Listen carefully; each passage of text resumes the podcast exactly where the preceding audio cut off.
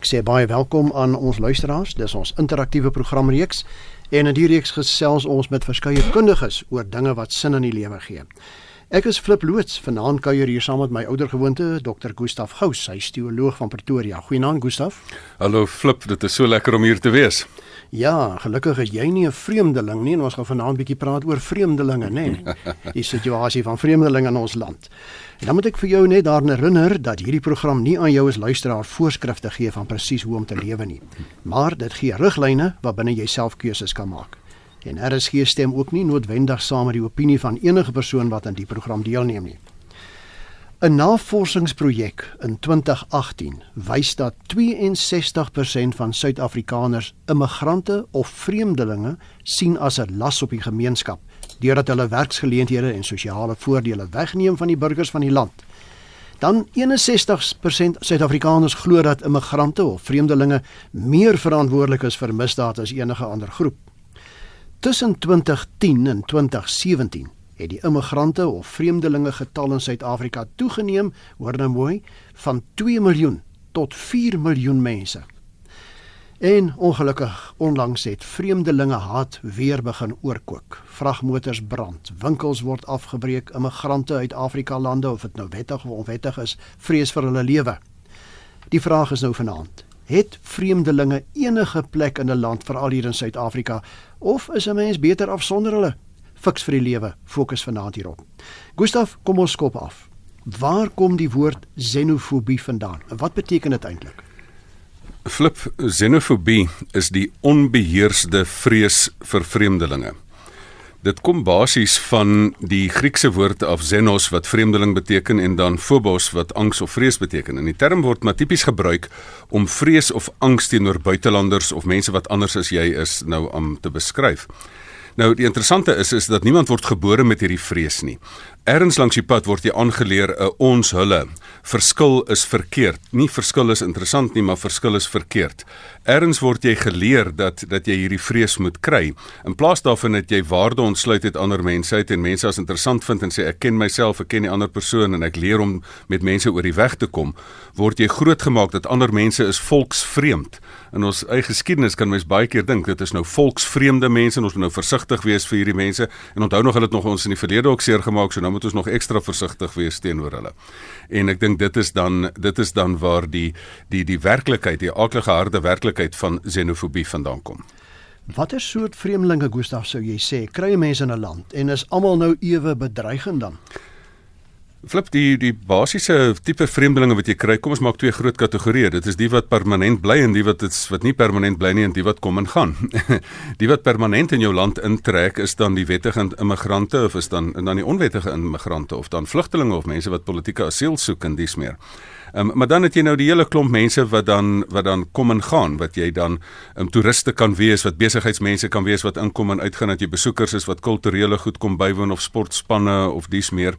Um, of kongresse en simposiums bywoon of vriende wat kom besoek. Ek dink hier en daar is jy ook so 'n spioene wat kry en dan nog so 'n diplomaat en en dis meer. Um, maar um, in baie keer interessant dat besoekende sportspanne selfs in in Europa is in die sokkerwêreld is, is is daar baie sportspanne wat klaar dat hulle dan amper verlei van toeskouers wat dan al is jy nie eers permanent in die land nie dat jy dan 'n gevoel van xenofobie teenoor hierdie sportspan kry want ons is so opgestel teen hierdie ouens wat ons wil wat ons haat eintlik dat ons hulle sommer met bottels wil gooi. Ons praat so van xenofobie vanaand Gustaf. Waar kom die probleem vandaan? Flip, die probleem is baie interessant. Ek wil dit vanaand probeer baie eenvoudig voorstel deur deur vyf stories. Die eerste probleem is, kom ons maak dit 'n storie van hier is 'n pa en 'n ma se nou met 20 of 30 kinders in 'n huis. Nou kan die pa en die ma die kinders sleg leer. So die eerste probleem kom daarvan dat hulle sleg leer. Julle moet nou versigtig wees. Ons is beter as die res. Um, julle moet nou glad nie met daai ander mense te doen hê nie en dies meer. So hulle leer hulle nie om met ander mense saam te werk nie. Hulle skep daai ons hulle verskil is verkeerd houding. Die tweede storie is, ehm um, xenofobie is 'n ingewikkelde ding. So die vyf stories gaan dit illustreer. Die tweede storie is, sien nou maar die pa en ma maak nie 'n goeie heining om die huis nie. Nou hoor die ander mense dis 'n lekker huis hierdie. Nou kom trek hulle daar sommer in die ander kinders se kamers in. Ehm um, nou raak hierdie ander kinders wat daar gebly die eie kinders word nou baie vies. Hulle sê nou maar jy vat nou my goed en jy speel, breek my speelgoed. Ehm um, dan dan ehm um, slaan die een kind nou sommer die ander kind wat dit is en dan sê hulle nee maar nee, sies jy's hom baie lelik. Jy's nou baie xenofobies. Wat eintlik moes die pa en ma beter heining om die om die huis gesit het. die storie nommer 3 kom dan basies daarop neer dat baie keer kom die kinders wat van buite af ingekom het en word die modelkind die kind wat van buite af kom van so 'n slegte ander ander huis af dat hulle so dankbaar is vir hierdie land dat hulle so hard werk dat hulle skoon die die bestaande kinders beskaam dan raak die bestaande kinders jaloers en dan wil hulle ook die ander kinders seermaak. So dit is 'n verdere deel van hierdie werklikheid. Storie nommer 4. Ehm um, dan kom maar van die ander kinders van buite af in en hulle begin dwelm smokkel en hulle begin verkeerde goeders doen. Hulle begin die reëls van die huis breek en dis meer. Dan as hulle dan um, dan aangespreek word, dan sê die mense nee nee nee nee nee, dis nou xenofobie teen my. Hulle nee nee nee, dis nie xenofobie teen my nie, dis dis sommer kriminaliteit. Jy het sommer die reëls van die huis oortree. So so hier hier is 'n geweldige klomp interessante sameloop van goeters wat hopelik hierdie vier stories op 'n manier kan um, kan illustreer. Dit kom basies daarop neer dat xenofobie is baie te doen met die invloed dat die swak ekonomie wat in Zimbabwe en Malawi plaasvind het vir al die laaste tyd, dat daar geweldig baie mense ingevloei het in die land, dat dit hoë eise aan die infrastruktuur kom plaas, um, en dat dat daar nie immigrasie was wat dit behoorlik gekeer het nie. Die regering het nou onlangs meer dit baie meer strenger begin toepas. Soveel so dat daar letterlik omtrent um, amper 360 000 70 000 mense gedeporteer is weer. As hulle nee nee nee, jy kan nou nie in die huis bly nie, ons gaan nou weer terugstuur na jou land toe. Um, maar hierdie probleem het 'n verweefde probleem. Dis nie sommer net daai ding van nee, ek haat jou nou want ek dink ek's beter as jou en ek is verkeerd geleer nie. Hier is 'n baie sterk verweefde ekonomiese ding en kriminaliteit ding in hierdie hele proses. Ja, jy raak nou aan wat ek nou eintlik vir jou wil vra. Daar's so 'n groot beweging tussen lande van mense. Jy weet mense gaan oor en weer na verskillende lande toe om verskillende redes. Hoekom is dit so dat vreemdelinge in 'n land nie altyd gewild is by die inwoners nie, veral hier in Suid-Afrika? In Suid-Afrika het ons 'n baie spesifieke vorm van ehm um, xenofobie. Dit is nie die tradisionele een dat 'n mens eintlik 'n uh, rassuperioriteit of een of ander ehm um, vreemde ehm um, houding aangeleer het by mense nie. Want die die xenofobie kom nie voor in die besigheidswêreld met besigheidsbesoekers um, of in die akademiese wêreld in die raadsale van die akademiese instellings nie. Ehm um, xenofobie, soos regter Mogeng Mogeng gesê het, ons hoofregter, hy het gesê dit is dit is 'n baie spesifieke vorm wat jy eintlik kry ehm um, in die in die townships en dis meer en dit word ook ondersteun deur die navorsing wat gedoen is byvoorbeeld die Instituut vir Sekuriteitsstudies by IP en dan dan ook by ehm um, die Center of Migration and, and Society wat by Wits Universiteit is en dat hulle sê dat dit word eintlik ehm um, is die xenofobie vind meestal plaas in die in die townships of in die omgewing waar waar hostels sogenaamd ehm um, die die hoë konsentraat van 'n uh, mans wat dan saam bly in 'n spesifieke plek, ehm um, word vind dit daar plaas. Wat daar gebeur is, ehm um, daar is mense wat swaar kry en dan word die uitlanders geblameer um, vir die werkloosheid. Um, en dan word die die die eie kwaaiheid word wat jy het oor dat jy nie basiese toegang tot basiese dienste en water en elektrisiteit het nie word dan soek mense dan 'n rede voor en dan sê hulle nee dit is hierdie mense en dan sê hulle dis hierdie mense wat ons nou moet uithaal. En die navorsing wys nie heeltemal dat dat werkloosheid heeltemal die gevolg is van al hierdie mense nie. Ek bedoel een persoon, een Afrika leier het op 'n stadium gesê, ehm um, jy kan nie dit as 'n verskoning gebruik en sê dat dat 'n werklose ongeletterde persoon kan sê hierdie hierdie mediese dokter uit 'n ander land ehm um, vat nou my werkgeleentheid weg nie want hy sou in elk geval nie daai werk gekry het nie. Ehm um, maar die harde werklikheid is dis 'n diep emosionele ding dat jy gaan sit en sê maar um, die rede vir my swaar kry hier is eintlik hierdie mense. En dit is interessant dat die twee groot opvlammings van die van die xenofobie was in 2008 en nou waar die ekonomie op sy swakste was. So hoe swakker die ekonomie, hoe meer soek mense 'n rede om iemand te blameer en dan is hierdie mense sommer byderhand. Watter rol sou jy sê speel rasse diskriminasie hierin? Ek dink rasdiskriminasie is 'n is 'n is 'n vorm van um, van die eerste vorm van xenofobie dat jy verkeerd geleer word. Met ander woorde, jy begin sommer voor die tyd met 'n met 'n verkeerde voorveronderstelling teen ander mense. En daai rasdiskriminasie kry mense in elke vorm. Veral as ander mense jou seer gemaak het, dan begin die ouer mense sê, "Moet nooit daai mense vertrou nie." En waar ons nie gebore word met hierdie verkeerde houding nie, word dit dan aangeleer deur die ouer mense wat sê, "Oppas vir daai ander mense." Nou As ons soek na redes, Gustaf, watter redes sou 'n mens kon aandui dat daar vir iets so xenofobie is en hoe geregverdig is dit nou regtig? Jy het nou daarna verwys nou nou ons het gepraat oor rasse diskriminasie, oor ekonomiese dinge. Is daar ander redes en regverdig dit dat mense so optree? Flip, daar is daar is vier of vyf basiese redes vir xenofobie. Die die een is sommer net gewoon onkunde. Dit is gebrekkige blootstelling. So ek het nog ek weet nie hoe om met hierdie ander mense oor die weg te kom nie en en ek sien dit sommer as 'n bedreiging, so ek het ek het net nie genoeg blootstelling nie. Die ander een is dat mense doelbewus verkeerd geleer word. Um ons ons het jy word grootgemaak met haat. Jy moet daai groep met jou haat en hulle het ons seer gemaak en ons gaan hulle terugkry. Ehm um, dan die die die derde rede vir xenofobie is wanneer jou kulturele identiteit bedreig word. Daar's baie keer dan dan is daar ehm um, ideologiese beleid binne 'n spesifieke land dat hulle sekere mense inbring wat hulle dan of dan ehm um, etniese ehm um, skoonmaak wil doen of dan meer van 'n spesifieke groep wil inbring dat jy voel maar my identiteit word bedreig. Dit is 'n baie diep rede daarvoor. Dan is daar ander ook 'n geloofsidentiteit wat bedreig word. Daar's ook baie kere ideologiese dinge dat dat dat 'n land doelbewus mense uithou, want selfs in die apartheidstyd is daar baie Afrikaans of Nederlandssprekendes uit Nederland toegelaat want hulle is protestante, maar die Rooms-Katolieke uit België is nie byvoorbeeld toegelaat in die land om om te kom nie, want dit was daar word daar word geloofsbeskerming toegepas. Maar die kort en lank daarvan is is dat jy bevoel ook jou geloof word bedreig. Nou, daar's baie ander mense wat sê luister, my geloof is in die minderheid, so nou wil ek uit 'n ander land uit uit Somalië of 'n ander land het wil ek mense van my geloof inkry en eintlik doelbewus meer immigrante daar uit toelaat al kwalifiseer hulle nie en dan voel mense ook uit 'n geloofsoogpunt bedreig.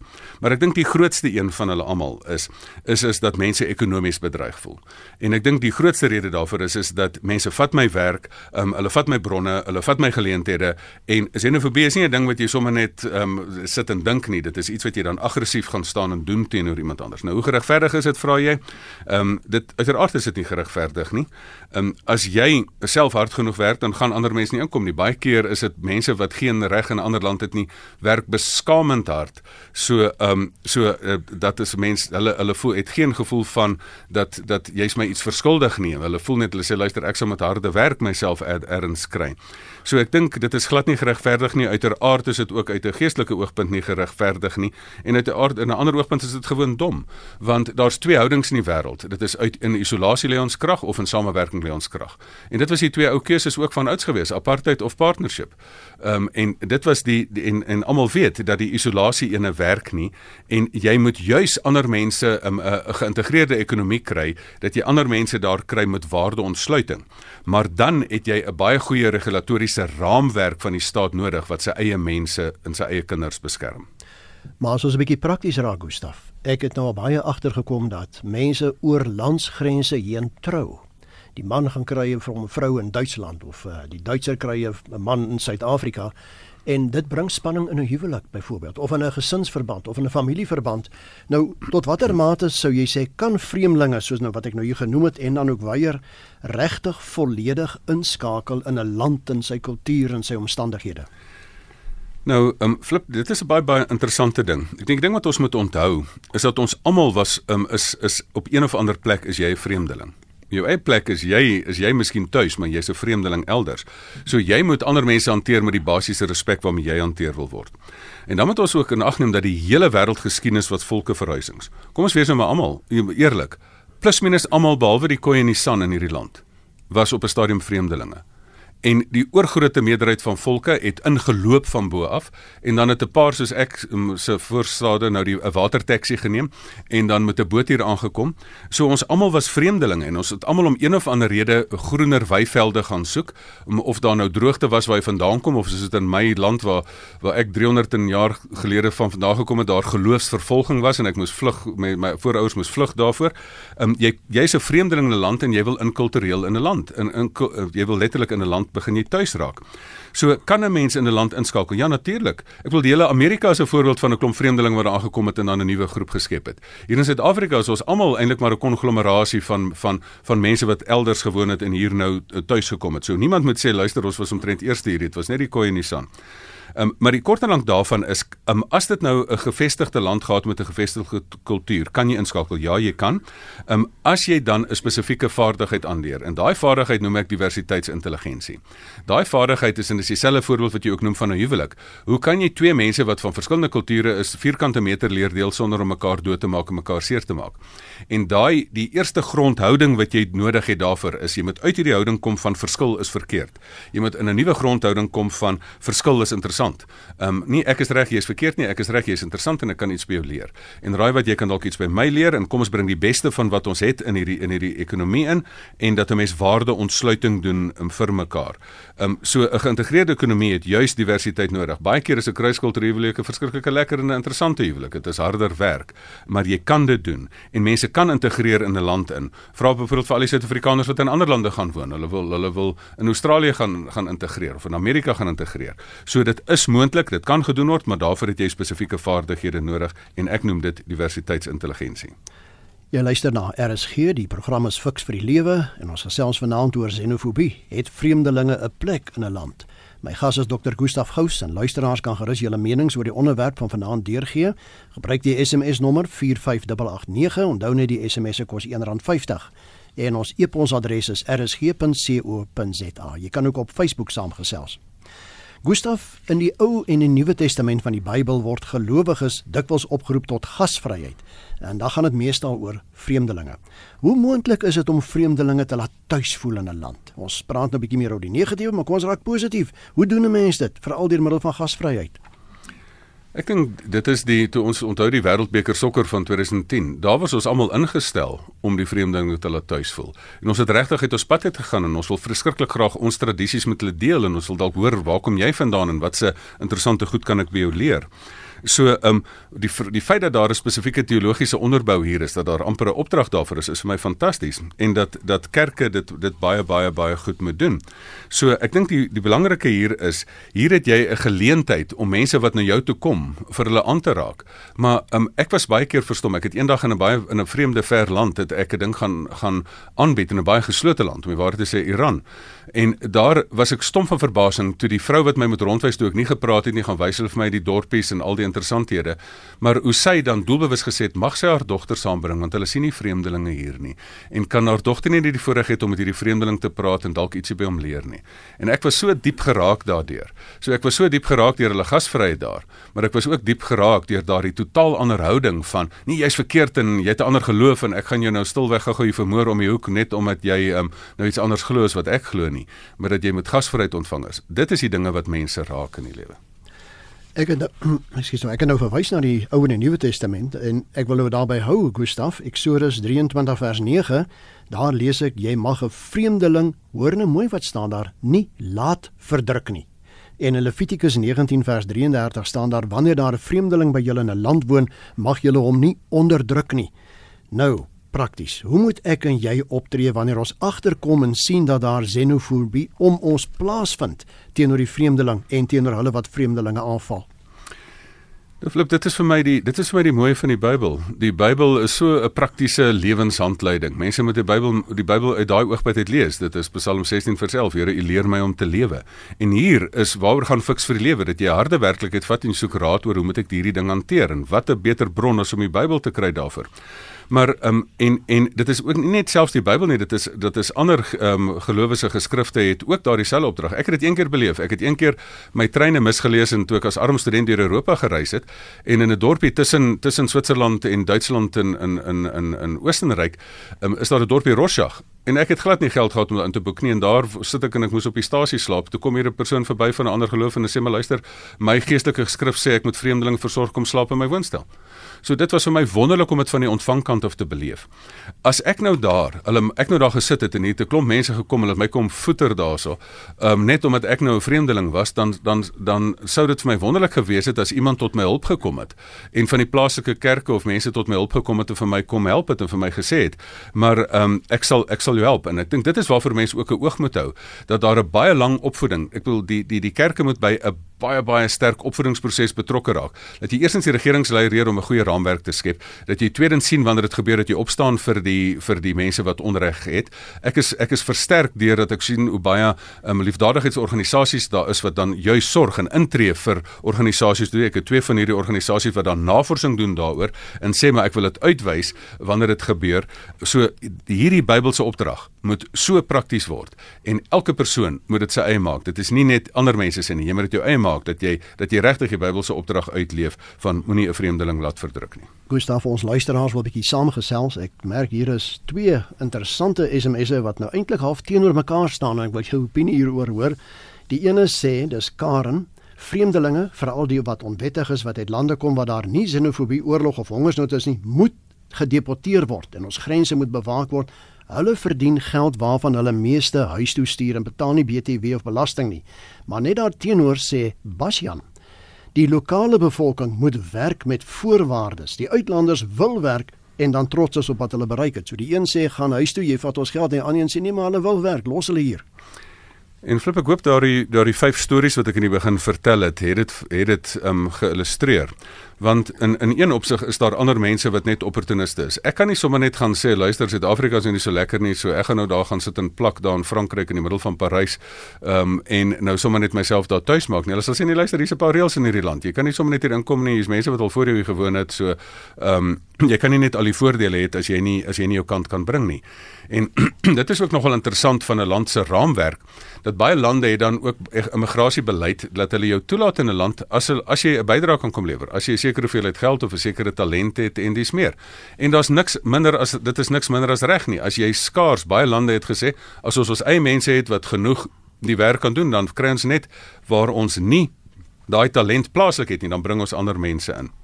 So ek ek dink dit is basies dit en ek, en ek dink die land se die regering se beleid het ook verander. Die feit dat daar soveel mense gedeporteer is, is 'n teken daarvan dat mense nie sommer net sê luister, hier is nou 'n oop uitnodiging en 'n groen lig by Beitbrug en almal kan nou maar instap net wat wil kom nie. Ehm um, so ek ek dink hierdie hierdie hierdie beide standpunte ehm um, het het het het 'n mate van waarheid in ehm um, en maar ons moet dit deel sien van die kompleksiteit daarvan dat party mense wil werk en dat die houding van die kinders, die houding van die kinders van die land moet ook maar verander. Jy sê luister, as jy in hierdie land is, kan jy net sommer net ook net 'n vreugde rit hê nie. Jy moet maar ook 'n bietjie jou kant bring en werk. Ja, inderdaad Gert van Wyk laat weet van sy kant af dat mense so beskerm is in ons land dat hulle arrogant raak en nie meer wil werk nie en dan is die huursoldaat beter. Absoluut. En ek dink dit is wat daai een storie probeer illustreer het, dat die dat die persoon van buite af wat net te dankbaar is vir 'n werk, het nie hierdie hele kom ons noem dit nou maar um, gevoel van houding van jy skuld my iets nie. Ek dink daarmee moet ons terugkom by by wat um, Amerikaanse president gesê het, moenie vra wat hierdie land jou kan bied nie, vra wat jy jou land kan bied. Gustav het dan nou verwys na die kerk. Doen die kerk in die algemeen genoeg om mense, veral vreemdelinge tuis te laat voel? Flip, ek dink ek dink ja en nee. Um, ek is baie keer versterk deur wat kerke doen en hoe baie mense moeite doen, maar ek het agtergekom dat dat kerke maar ook 'n bietjie geslotenheid ge, um, in hulle self gekeer geraak het. En wat eintlik moet gebeur met 'n kerk? 'n Kerk moet eintlik te dankbaar wees. 'n Kerk is eintlik gestuur na die wêreld om dan as daar nie eers nood is nie, moet jy gaan nood um, soek en daar mense gaan help waar daar nood is. Dis wat die Here gedoen het. Hy het nie 'n kom kerk toe model gehad nie, hy het gaan na die mense toe model gehad. Hy sê, "O, jou kind is hier, kom ek help jou daarmee. O, jy het 'n probleem hiermee, kom ek help jou daarmee." Ehm um, maar xenofobie is 'n uh, vreemdelinge wat in 'n land inkom is eintlik fantasties. Jy hoef nou nêrens heen te gaan nie, hulle kom sommer na jou toe. So ek ek verstom my baie keer dat kerke nie meer die geleentheid raak sien nie. In Duitsland doen kerke dit. Hier kom 'n klomp vreemdelinge in en hulle hulle gaan help die mense en en daardeur lewer hulle die getuienis van hoe God liefdevol is. Um, ek het van ek het 'n vriend sy naam is Matt Bird.